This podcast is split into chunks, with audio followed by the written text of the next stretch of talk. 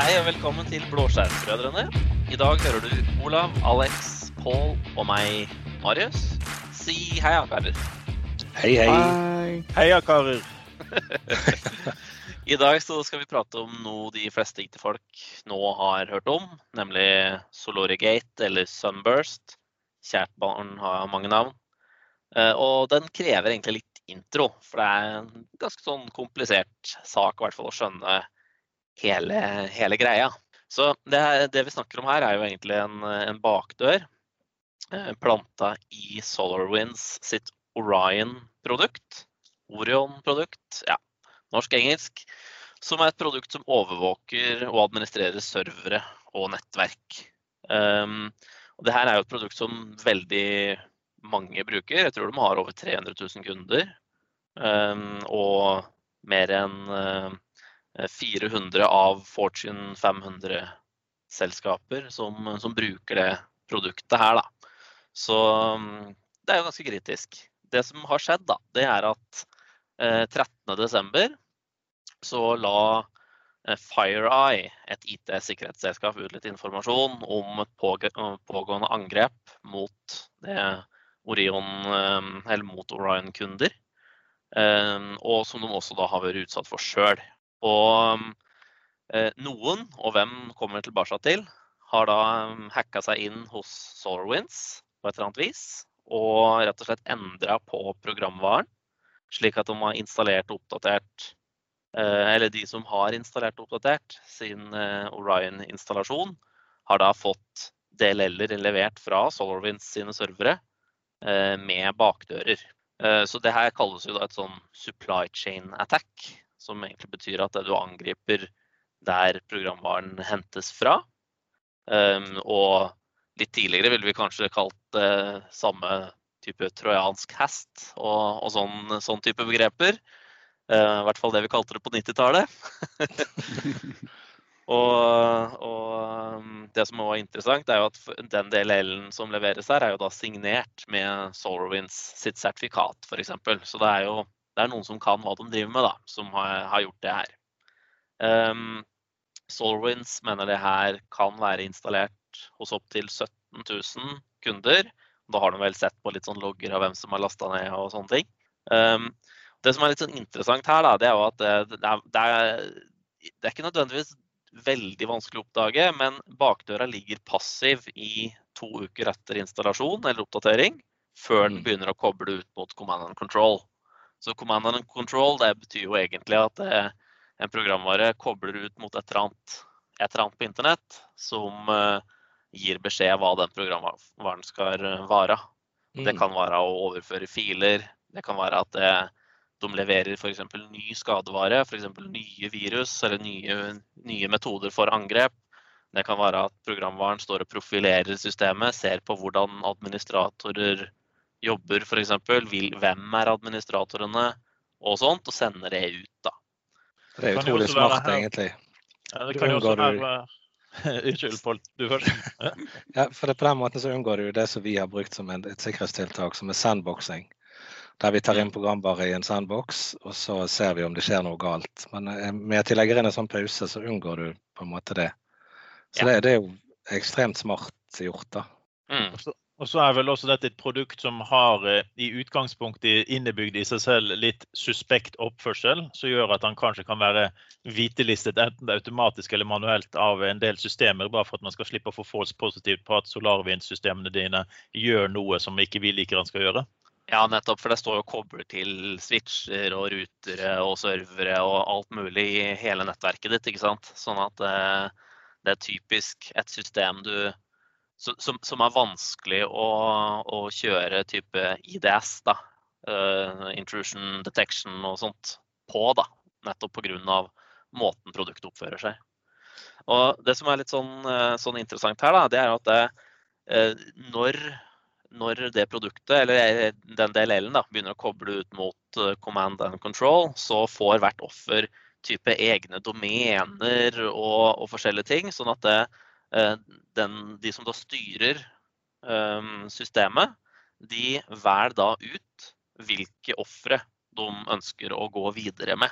Så har de på en måte først bare fått etablert den bakdøra, og så står, står, den klar og på en måte bare venter på at det, de, de eiere av, av, bakdøra skal si at ah, Microsoft f.eks., eller Facebook, eller type en eller annen norsk bank, eller noen i US government, de ønsker vi å, å gå videre med å angripe.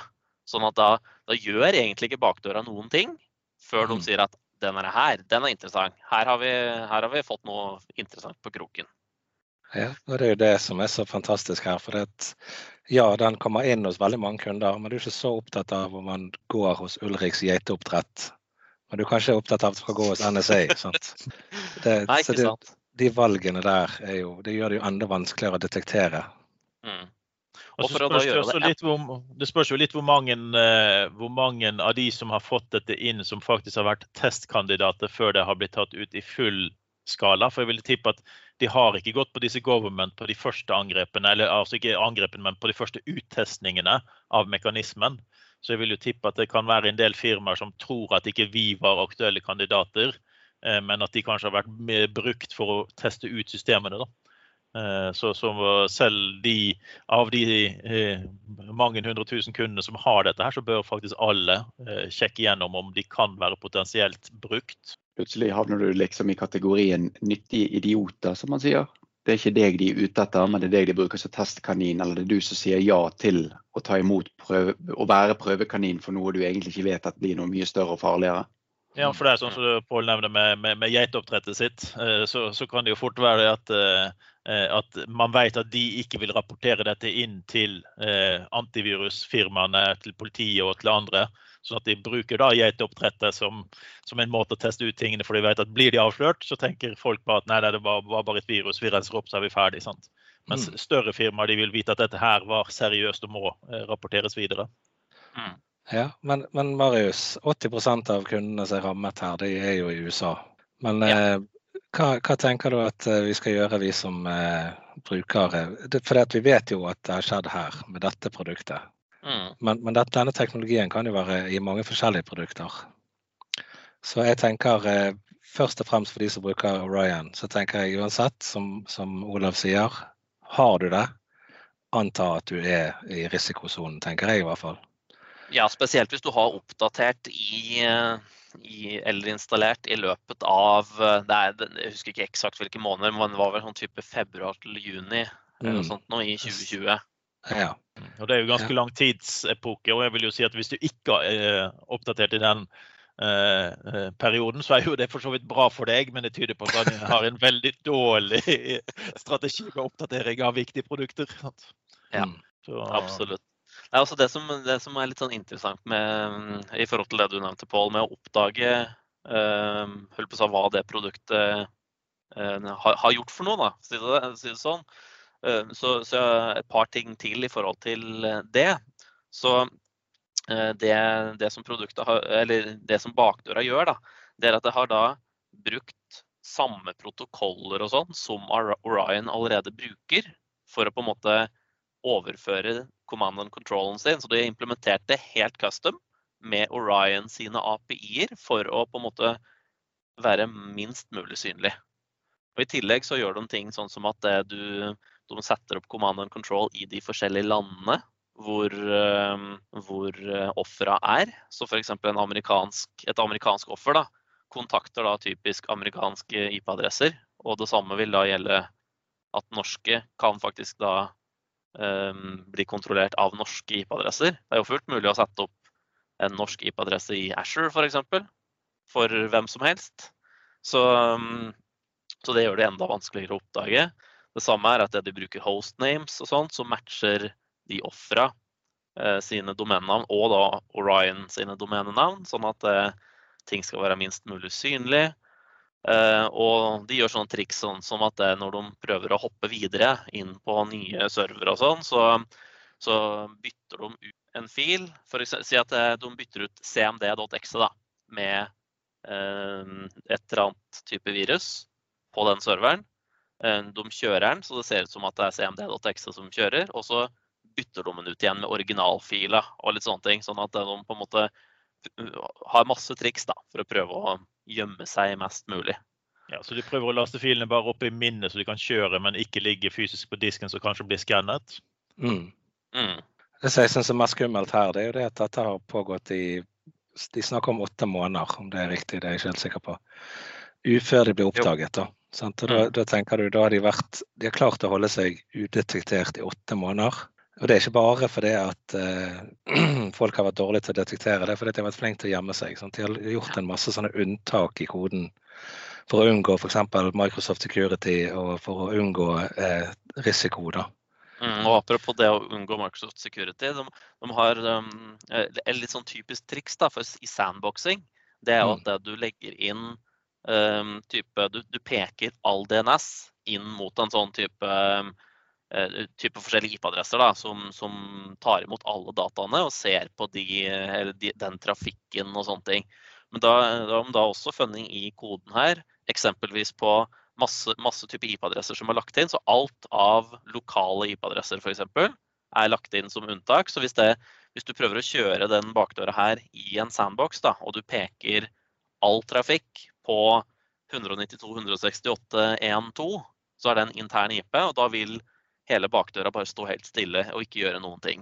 Men det samme gjelder da hvis noen av de, noen av de hostnamene peker på Microsoft. Så de har da lagt inn alle Microsoft sine IP-adresser og sagt at eh, hvis det er Microsoft som prøver å launche det her i en eller annen sandbox og kjøre, så er den helt stille. Da, da, måte, da, da prøver ikke den bakdøra å koble ut i det hele tatt. Han bare resolver den DNS-en, og så ser han ah, Microsoft IP, her er det noe muffins, så nå hysj, hysj. Og så blir det jo egentlig da todelt dette her, da. For at egentlig så har vi nå da et leveringssystem som er digitalt signert av leverandøren og godkjent, og i prinsippet ikke ser ut til å gjøre noe skummelt. Mm. Så det er ekstremt vanskelig å finne det ut. Men, men det er jo den delen som gjerne har ligget aktivt i disse åtte månedene. Eh, og egentlig ikke blir oppdaget spesielt lett. Men så er det jo det, det neste som skjer når de, disse begynner å bli aktive og begynner å sende inn eh, skadevare, så blir det jo en helt annen opp, opplevelse i systemene. Sant? Det er egentlig da Ja. du kan detekte disse tingene. Sant? Yes, fordi da begynner de å sende inn De har vel da brukt bl.a. noe som heter teardrop og noe som heter beacon. Som, Nei, eh, de kan jo ikke misbruke bacon. Disse her skal få svi. Svidd bacon. Så, så de, de sender jo da, da det, det inn til bakdøra og på en måte bruker det til å angripe videre inn i nettverket. da. Dette er jo gjerne også noe som gjør det utfordrende. Det er leverandøren som signerer, det er leverandøren som godkjenner, det er leverandørene som gjør alt. Og produktet skal gjerne gjøre litt sånne rare ting. Han skal gjøre ting som ellers er suspekt. Det er derfor du Mm. kjøper denne varen. Det er, jo, det er jo dessverre litt sånn at antivirusselskaper har et litt sånn eh, tvilsomt renommé, eh, veldig mange. Men man vil jo veldig sjelden ha betvilt at et eh, antivirusprodukt du har kjøpt for mange hundre tusen eller mange millioner kroner, at ikke de skal gjøre litt gravearbeid i systemet for å lete etter antivirus. Mm. Eller lete etter virus, da. Men hvis man da først får et antivirusselskap eller en nettverksleverandør eller andre plattformer som er gjort, altså du har kjøpt det for å gjøre en del tunge, litt dyptgående oppgaver, så vil du ikke betvile det at det faktisk gjør dyptgående oppgaver. Nei, ikke sant. Og det samme gjelder jo at eh, de, det systemet her, som jo eh, gjør overvåkning og administrasjon av server og nettverk, trenger jo typisk da tilgang til å gjøre det. Så det ligger jo da gjerne noen tilganger inne i systemet. Og brukerkontoer, service principles, sertifikater, forskjellige sånne type ting som, som kan brukes da til å klatre videre inn. Så si at Orion-systemet ditt overvåker VMware-plattformen, eller administrerer noe på VMware, da, eksempelvis, og du har masse domenekontroller i VMware, så har du en ganske enkel vei inn videre inn på de domenekontrollerne, f.eks. Så da har, har du en ganske enkel vei videre inn i alle systemer. Og det samme gjelder jo da gjerne de som òg bare bruker det her til nettverk. Nettverk har jo en del muligheter til å type kjøre mirroring av porter og endring av trafikk og åpning av forskjellige ting i brannmurer og sånne ting, sånn at du kan da bruke den tilgangen til å gi deg sjøl f.eks. tilgang til å koble til forskjellige servere og alt mulig sånt som du kanskje i utgangspunktet ikke hadde. da. Her, her ser vi jo det at vi har typisk fått eh, fått bevist en frykt som har ligget latent i, i veldig mange, i sikkert i, nå i 20 år. Og det er jo egentlig den frykten som oppsto når man begynte å få levert oppdateringer automatisk. Eh, Det har mm. man jo gått og tenkt på lenge. altså Windows Update er jo der. Du har eh, Adobe-oppdateringer, du har Java-oppdateringer og masse av disse tingene som skjer automatisk. Eh, og frykten har jo hele tida vært at hva hvis noen kommer seg på baksiden og blir spredd ut ved hjelp av automatiske oppdateringer. Det vil bety at hvis det er et firma som har 300 000 kunder, så vil det kunne spre seg til 300 000 kunder. Her har vi egentlig hatt litt flaks med at eh, det ikke har en automatisk oppdatering av alle systemene til Solar, SolarWinds. Mm. Eh, for det kunne det veldig gjerne ha vært, men, eh, men det har ikke vært det i, i dette, på denne type systemer. For at de er litt redd for at de kan break the, Eh, break the functions for noen som har customized eh, på toppen av, noe, av dette.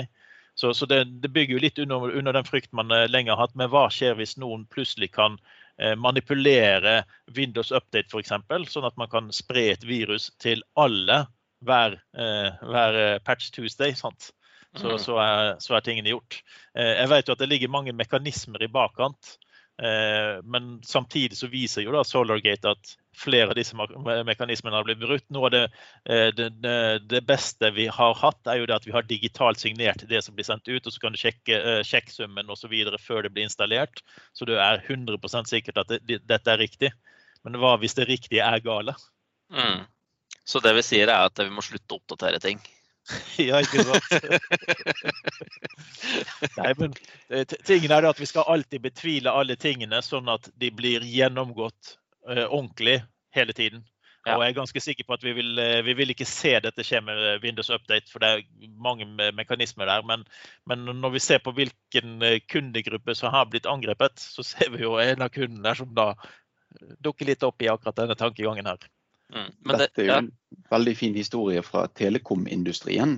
Vi ser jo det at eh, de som er veldig glad i iPhone og, og Apple-devicer, de får jo stort sett programvaren levert automatisk samtidig, sånn noenlunde til alle enhetene sine. Da.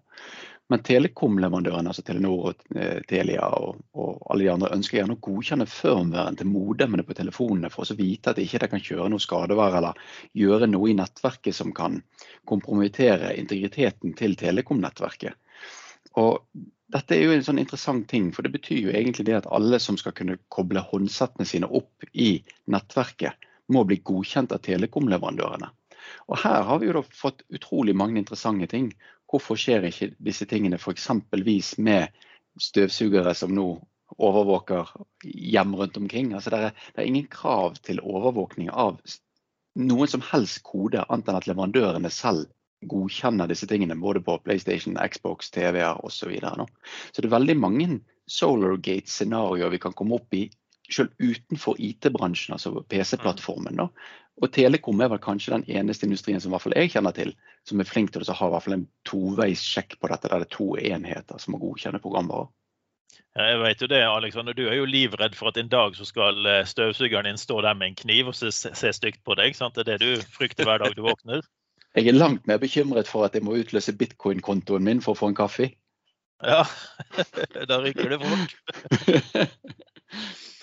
ja, nei, men det er et veldig godt poeng. Ja, nei, Det samme gjelder jo alle mulige slags type connected devices. Sånn, altså, jeg skal kjøpe meg en varmepumpe nå på hytta. Den har en sånn der, typisk sånn der sensor for å se på, se på, hvor varmen er i rommet og alt mulig sånt. Nå, nå tenker jeg bare full tinfoil her, da. Men, eh, men um, de, den også har jo en firmware og Wifi-modul og oppdaterer seg sjøl og alt mulig sånt. Og, og, sånne ting kan jo brukes da til f.eks. å se er noen hjemme. For da, hvis du bruker den sensoren, så ser du hvor, hvordan varmen oppfører seg f.eks. Du, du kan da fra hvor som helst bruke noe så enkelt som det da, til å bare se er det aktivitet i det hjemmet. Hvis nei, OK, da tar vi innbrudd der, da. Altså Det var jo en stund eh, dette var en sårbarhet i bedrifter. Eh, man, jeg har ikke hørt at det har blitt misbrukt, men det var en del laserprintere, altså kopimaskiner, der man kunne hacke firmwaren til og få fuserne til å begynne å brenne. Og Det er jo gjerne akkurat det du nevner. sant? Sørger du for at eh, brannalarmen går på et kontor, så er det fritt fram for at du kan komme inn. Og Da er det jo gjerne enkelte brannvesen i enkelte land som er relativt basert på dugnad og frivillighet. Så der andre går ut, kommer du inn. Mm. Det som, gjør, det som jeg synes er ekstra spesielt med disse sakene her, det er at det er jo ikke det er ikke noen privatpersoner som sitter og holder på med dette. her. Det er de Advanced Persistent Group-folkene, APT-ene, eh, som har sånne koselige navn som Fuzzy Bear og Cozy Bear og alt dette her, som, som har enorme De har vanvittig mye kunnskap, utrolig dyktige folk, og de har enormt mye ressurser bak seg. Det, det, dette finnes jo i de fleste land, det finnes til og med i våre allierte land. Så sitter det ekstremt dyktige mennesker og egentlig kriger med hverandre over internett. Og hva skjer med oss stakkare som sitter midt inne i dette her? Vi må være ekstra forsiktige, for vi kan bli fanget opp i disse her eh, krigene. da. Plutselig det viser de nyttige idiotene. Ja, det er jo det det er. Det, det, ok, Denne gangen med, med denne så var det eh, mest sannsynlig Russland. Eller det vet vi at det var. Det er ikke noe å legge skjul på. Eh, med Stuxnet f.eks., som var i sin tid, så var det NSA. Altså det er store, mektige organisasjoner som har mye kunnskap. Og ja. Og så har du oss, da. Sant, Olav? Ja, ikke sant. Og det er der det kommer inn på at eh, skal vi klare å beskytte oss, så må vi jo ha sentraliserte systemer som samarbeider med hverandre. For vi alene kan ikke sitte på en haug nå og beskytte oss mot denne rivende utviklingen eh, som skjer eh, av, eh, ut, ut, eh, av badware som sikter seg inn mm. mot oss. Så, så, det nytter ikke lenger å ha det, den holdningen. Men de holdningene jeg tenker vi må ha, det er litt sånn f.eks. når du kjører privileged access management og, og den type, type, ting, så, så er assume breach er gjerne en tankegang man skal ha. Mm. Hvor det du egentlig antar når, når, du skal sette opp gjerne, Typisk noe nytt, da, men, men uansett egentlig. At det du, det du, har i dag, det er usikkert. Og det er det noen som, andre som har kontroll på i tillegg til deg. Og at det, når, når, du da skal, skal ha, inn, ha, inn, forskjellige typer nye systemer, så hvis du begynner å stole for mye på alt du har hele tida, så på en måte drar du bare problemet med, deg videre. Eh, og at det du skal prøve da til størst mulig grad å, anta at det du har er, er, knekt. Det er noen andre som har kontroll på det i tillegg. Og at det, at det du eh, i størst mulig grad ikke tar med deg det videre. Da. Og det kan f.eks. Um, eh, være ved at hvis du skal begynne å bruke Microsoft 365, da, um, og du tar da alle dine eksisterende admin-kontoer. Du synkroniserer dem ut. Du tar domenene i Azure Radio og federerer dem mot ADFS, f.eks.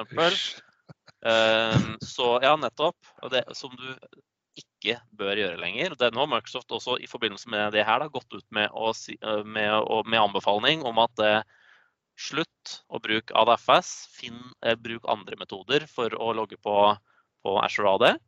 Eh, og, og eh, ikke synk admin-kontoene dine fra AD. Fordi har du hatt det issuet her i AD, og, og du har den type teknologi på plass, så kan da den angriperen fint ha tatt over ADFS-serveren din eh, og begynt å utstede egne tokens mm. for å logge på Azure AD. Og det har de sett at har skjedd. Så her har jo da Microsoft kommet med masse forskjellige mm, Ehm, ja, de, detekterer da masse forskjellige ting. F.eks. type forged tokens fra ADFS, hvor da noen har tatt token eh, signing-sertifikatet fra ADFS-serveren og driver og utsteder de sjøl. Um. Nettopp. Kjempespooky. Og samme gjelder jo da litt sånn merkelig bruk, litt sånn forandra bruk av, eh, av, service principles og brukere og sånne ting, som plutselig gjør ting de aldri har gjort før. Um, så Microsoft har lagt inn en god del sånne type workbooks og sånn for å kunne uh, detektere det, men da må du på litt sånn threat hunting, da, som de kaller det. En uh, ting som jeg syns er alltid like fascinerende, det er at det er veldig utfordrende å finne versjonshistorikk av programvareoppdateringer hos mange produsenter og leverandører. Um, og hvis man finner de, så er de veldig ofte spredd. Uh, går man uh, eksempelvis inn til Windows Update, som du nevnte her, Olav, så må du gjennom utrolig mange enkeltlinker for å finne ut litt sånn halvkryptiske beskjeder om hva denne oppdateringen faktisk gjør. Jeg var så privilegert at jeg oppdaterte en av disse smarte dippeduttene man egentlig skal være litt livredd for. Det er sånn smartlader til elbil. Her i tidligere januar så kom det en programvareoppdatering på disse. Første oppdateringen på et halvt år. Men det står veldig detaljert hva de har gjort, og hvilke funksjoner du har fått. Og hvilke funksjoner de har tatt bort, og hvorfor de har gjort det. Så dette kan jo kanskje være en liten sånn wake-up call til veldig mange, at man kanskje bør publisere at det har ikke skjedd noen endringer i programvaren hos oss på denne stunden her. Så hvis du ser noen ting som ikke skulle ha, ha, oppstått, så må vi kanskje få en beskjed om det. Eller at det har skjedd en forandring i programvaren. Dette kan du regne med at vil skje. Mm. Der, der, har du jo Microsoft som faktisk eh, de gir bra opplysning, men den kan være vanskelig å finne. Men så har du jo andre produsenter som har en bevisst strategi. Altså Apple er der. De vil ikke si hva oppdateringene gjør. De kan til nød si at det er en sikkerhetsoppdatering, men de vil aldri innrømme hva han er for. Så, så, det er et veldig godt poeng. det der. Og, og hvis, du, hvis, du, vet hva som er forventet endret oppførsel, så er det jo litt mer eh, lettere å overvåke. da. Ja, og der, eh, der, der, har vi på en måte hatt en endring i måten vi ser på data. Tidligere så har folk vært ekstremt proprietær. De har hatt koden sin, den er skjult, den er deres. Ingen skal vite hva den inneholder. Pakket den godt inn, sikret den. Eh, mens eh, open source community har jo hatt en helt annen holdning til dette. De har jo ut, gitt ut operativsystemet sitt så alle kan se på det, og så kan de finne feil, mangler osv. Det har vært en styrke i seg sjøl, syns jeg. da. Eh, og Nå sier jo Microsoft at de har hatt folk inne som har sett kildekoden. De har ikke kunnet manipulere den på noe selvs vis, men de kunne se den. Eh, og er det, en, er det, en, utrygg måte å være på i dagens samfunn, og du skal være veldig proprietær når du holder koden din hemmelig? Eh, mister de noe i forhold til det? Microsoft har åpnet seg opp litt mot open source community, da. men er det noe de burde vurdert og sett videre på? Kanskje åpnet opp enda mer for? Det er kanskje litt på hvilket produkt det er. for eh, no, mm. Noen produkter, altså Hvis hele Office-pakken eh, som de frykter da, kan, kan, bli eh, modifisert litt, så kan noen begynne å selge den for ingenting. Mm. Eh, så Det er egentlig det som er den store frykten med, med en del av systemet. De har jo valgt å være open source på veldig mye produkter Eh, at de vet at dette er ikke sånn som blir masse eh, kopiert. altså Det blir ikke Gucci-vesker med eh, litt feil søm. sant? Nei, ikke sant? Mm. En annen ting er jo at Microsoft har jo beveget seg mange mange steg i, i den retningen eh, allerede med disse insider-programmene sine, der du får ta del i ting veldig tidlig og kan gi tilbakemelding på produktutvikling. Sånn at hvis du ikke er fornøyd med den gjeldende versjonen av et produkt, så kan du gi tilbakemeldinger sånn at den versjonen som kommer til brukerne dine, er sånn som du ønsker at den skal være. Du ser ikke koden, men du ser funksjonen før han kommer. Ja, som, som, Microsoft nå har sagt i forbindelse med denne saken, det er jo det at nå er det på tide at folk samarbeider eh, for å bekjempe dette her. Da. At de demokratiske landene står sammen på sin side for å dele informasjon og eh, dele sikkerhetsoppdateringer og sånne ting. Det er jo eh, ekstremt viktig nå. For når det er så sterke grupper fra direkte udemokratiske land, som vi ikke skal nevne navn på nå, som kjemper mot eh, de som vi har som allierte. Ja, alle lytterne i de landene har forsvunnet. Men, men, det er jo land som, som, ikke er ansett som demokratiske land, da, som driver med angrep mot eh, de som vi samarbeider med. Og da må vi samarbeide motsatt vei. Sant? Vi må samarbeide med å utveksle informasjon. Sånn som FireEye har gjort en kjempejobb i denne sammenhengen her. De har gått ut og sagt ok, vi ble rammet av dette. Og så har de funnet masse nyttig informasjon som de har delt med alle rundt. Og har gjort det mulig for folk å finne eh, rett og slett løsninger på problemene. Mm, og kjempedetaljert. Ja, en, en, annen viktig ting det er jo det at de som faktisk uh, SolarWinds her, de lar seg jo også ganske fort flat og samarbeider og får, hjelper til for å få det ut. Uh, vi må ikke ha sånne firmaer som prøver å skjule at dette har skjedd med dem. sant? Det er ikke alle som var rask nok ute med den informasjonen de skulle vært i denne sammenhengen, som, som, det veldig ofte er. Men det er veldig viktig at de kan komme i gang med en gang og bare si at OK, det har skjedd, hva gjør vi for å fikse det? Mm. Mm. Og sånn i forbindelse med det, så for det, En ting jeg syns er litt interessant, som vi ikke har funnet svaret på, det er um, at Solvins har nå sagt at det er de som har installert eller oppdatert mellom februar og juni, uh, som har problemet. Hva skjedde i juli? Ja, det lurte jeg òg på. Hvorfor, hvorfor, hvorfor er det ikke der? Altså, har de på en måte funnet ut at tilfeldigvis så bytta de et eller annet greier i deployment-systemet sitt, eller noe sånt, sånn at de fikk kasta ut den angriperen på en måte ved en tilfeldighet? Eller oppdaga de egentlig problemet da? Og Jeg håper jo ikke det. fiksa det uten å ja, Jeg vet ikke om noen har noe input der. Eh, Det kan jo være veldig interessant hvis du ser det at samtlige teleskop beveger seg til samme plass på stjernehimmelen, så vet jo du det at det er noe som skjer. Da springer jo selvfølgelig jeg inn og finner fram kikkerten min. Selv om ikke det er samme kaliber, så vil jeg se hva de ser. Og ikke minst, jeg vil jo rette et lite eh, teleskop mot deres teleskop. Kanskje SolarWinds og amerikanske myndigheter oppdaget dette i juni og varslet ingen fordi at de ønsket oss å se hvem som sto bak og hva som ble gjort, sånn at de fikk hentet inn informasjon. Eh, Det er ingenting som er mer skummelt enn at jeg vet at du vet at jeg vet. Så bare sørg for at ikke du vet at jeg vet at du vet. Mm. ja, nei, det er ikke godt å si. Jeg bare syns den var interessant. Den med at det plutselig ikke Mm. gjaldt de som var installert i juli. Og så er det, ikke en, eh, det, er jo ikke direkte versjoner de snakker om, det er jo bare de som har oppdatert. Kan dette gjelde for de som hadde forrige generasjon av eh, produktet, som også har lastet ned en eller annen oppdatering, eller lastet ned en ny installasjon i samme periode?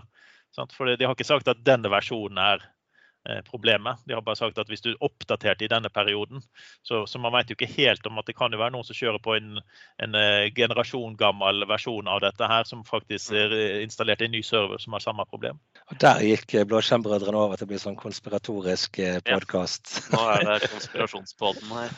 Men jeg likte veldig godt det du sa i sted, Marius. Dette her med, med ADFS og, eh, og ha admin-kontoene dine cloud only. Dette er jo ikke ny informasjon. Dette har jo Microsoft sagt en god stund anbefalt en god stund.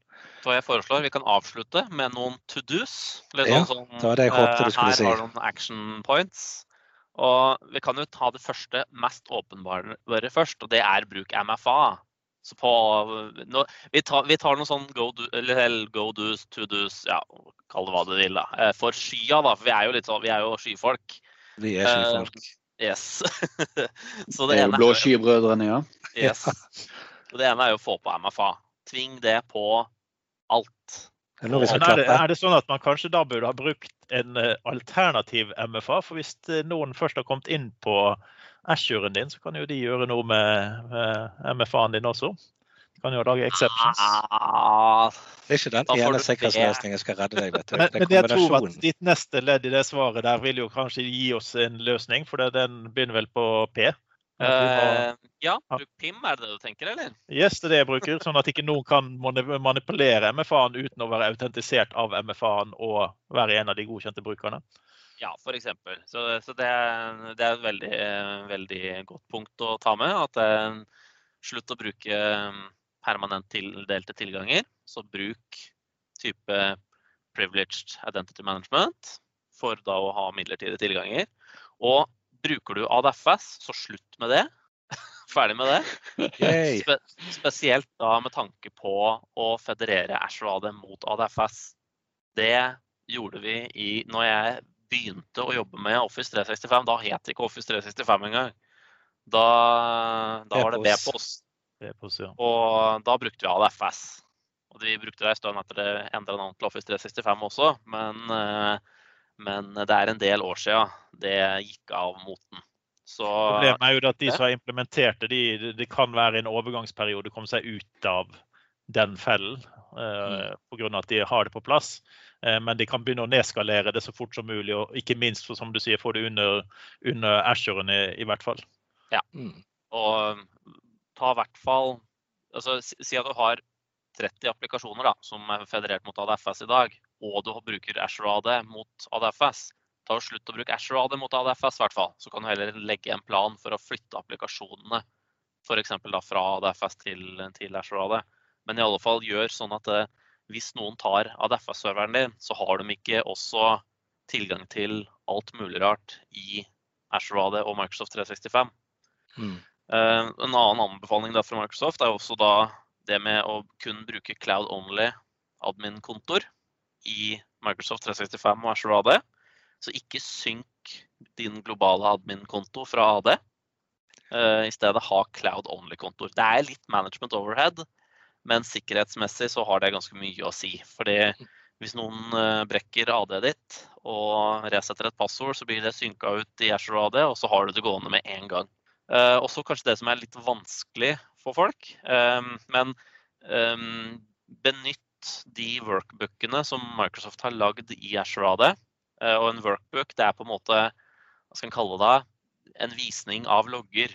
Hvor Microsoft har rett og slett lagt opp forskjellige events da, som vises i de workbookene, som gjør at det, uh, det skal enklere gjøre det å finne problemer. Da. Det kan f.eks. være noen har oppretta et service principle. Et service principle kan brukes til å få masse, masse, masse tilganger inn i Azure Radio og sånne ting. Det kan være at det er nye secrets eller sertifikater som er lagt til på eksisterende service principles. Så si at dere har et, en eller annen løsning som jobber mot Azure Radio i dag, og den har ganske mye tilganger. Så har noen vært inne og lagt til, kall det et ekstra passord, da, på, på den, den servicekontoen så, så kan du bruke den tilgangen. Eh, så overvåke det, og også da overvåke brukere som er tildelt all admin-rettigheter. Så type en bruker som har plutselig fått tildelt global admin og forskjellig sånn type ting. Jeg tror også at veldig mange eh, glemmer å overvåke overvåkningen. altså at de, de, har masse bra overvåkning på gang, men de sjelden går inn i Ashore Sentinel eller i, i de, de, forskjellige Defender- og security-portalene og sjekker om det kommer alerts. For mm. det kan Altså en, en, en god endring vil forsvinne fort av systemene også. Så Derfor er det viktig at man, man, faktisk overvåker overvåkningssystemene. For det er ikke fullautomatisert. Mye er det, men alt er ikke fullautomatisert. Mm. mm. Så er det disse begrepene, da, disse som vi har snakket litt om før. Det er Zoom breach, som du nevnte i sted. Zero trust er viktig her.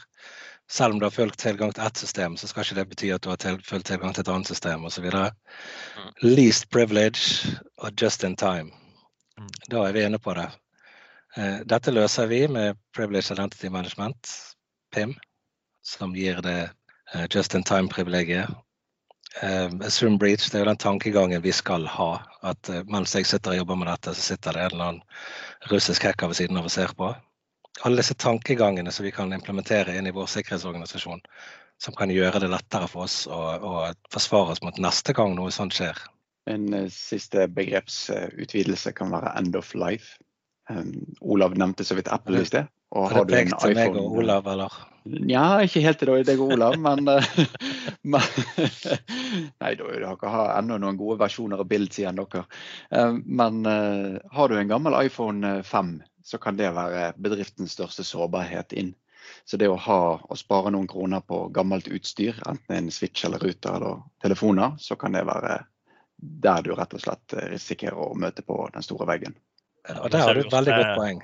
Android-devicer er jo en stor spøkelse i disse systemene. for Der er ikke det bare end of life, der det, blir de lagd og gir det ut i end of life.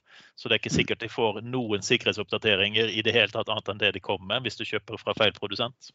Nei, det er et kjempegodt poeng. for det, dette kan gjøre oss redd for å oppdatere. det må du absolutt ikke gjøre.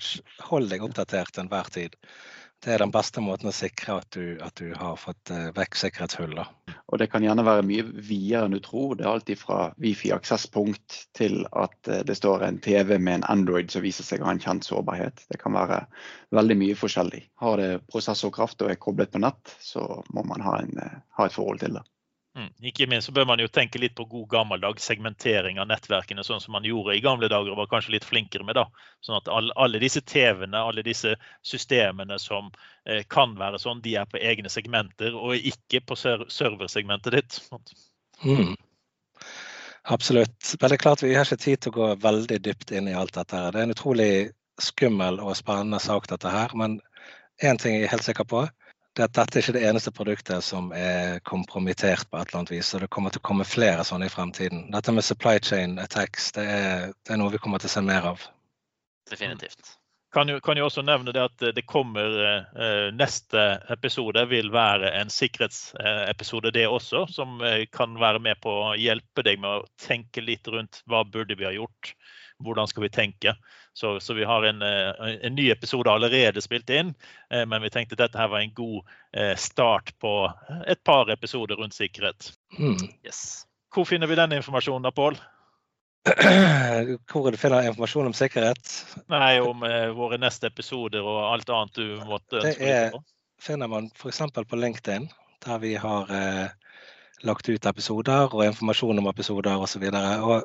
I den forbindelse så vil jeg bare si tusen takk til de som har valgt å følge oss på LinkedIn. Det betyr at vi får ut informasjonen mye lettere, og det setter vi stor pris på. Og har du noen Jeg vet at de fleste av dere har ingen venner. Men har du noen bekjente eller noen du har truffet på gaten eller noe sånt, så du kan anbefale Blåskjermbrødrene til, be de gjerne følge oss på LinkedIn, så vi kan få ut den informasjonen om podkasten vår. Godt sagt, Pål. Veldig bra. Da skal vi takke for oss for i dag, eller er det noen siste ord før vi går som ikke er blitt sagt? Eller det er selvfølgelig noen som ikke er blitt sagt, men noen som må Vi har jo alltid Vi kunne snakket i dagevis. de siste ord er vel nesten i alle møter. Ja, nå har jeg et nytt møte. Nå går vi videre. OK, Ha det takk for denne gang. Hei. Ha det.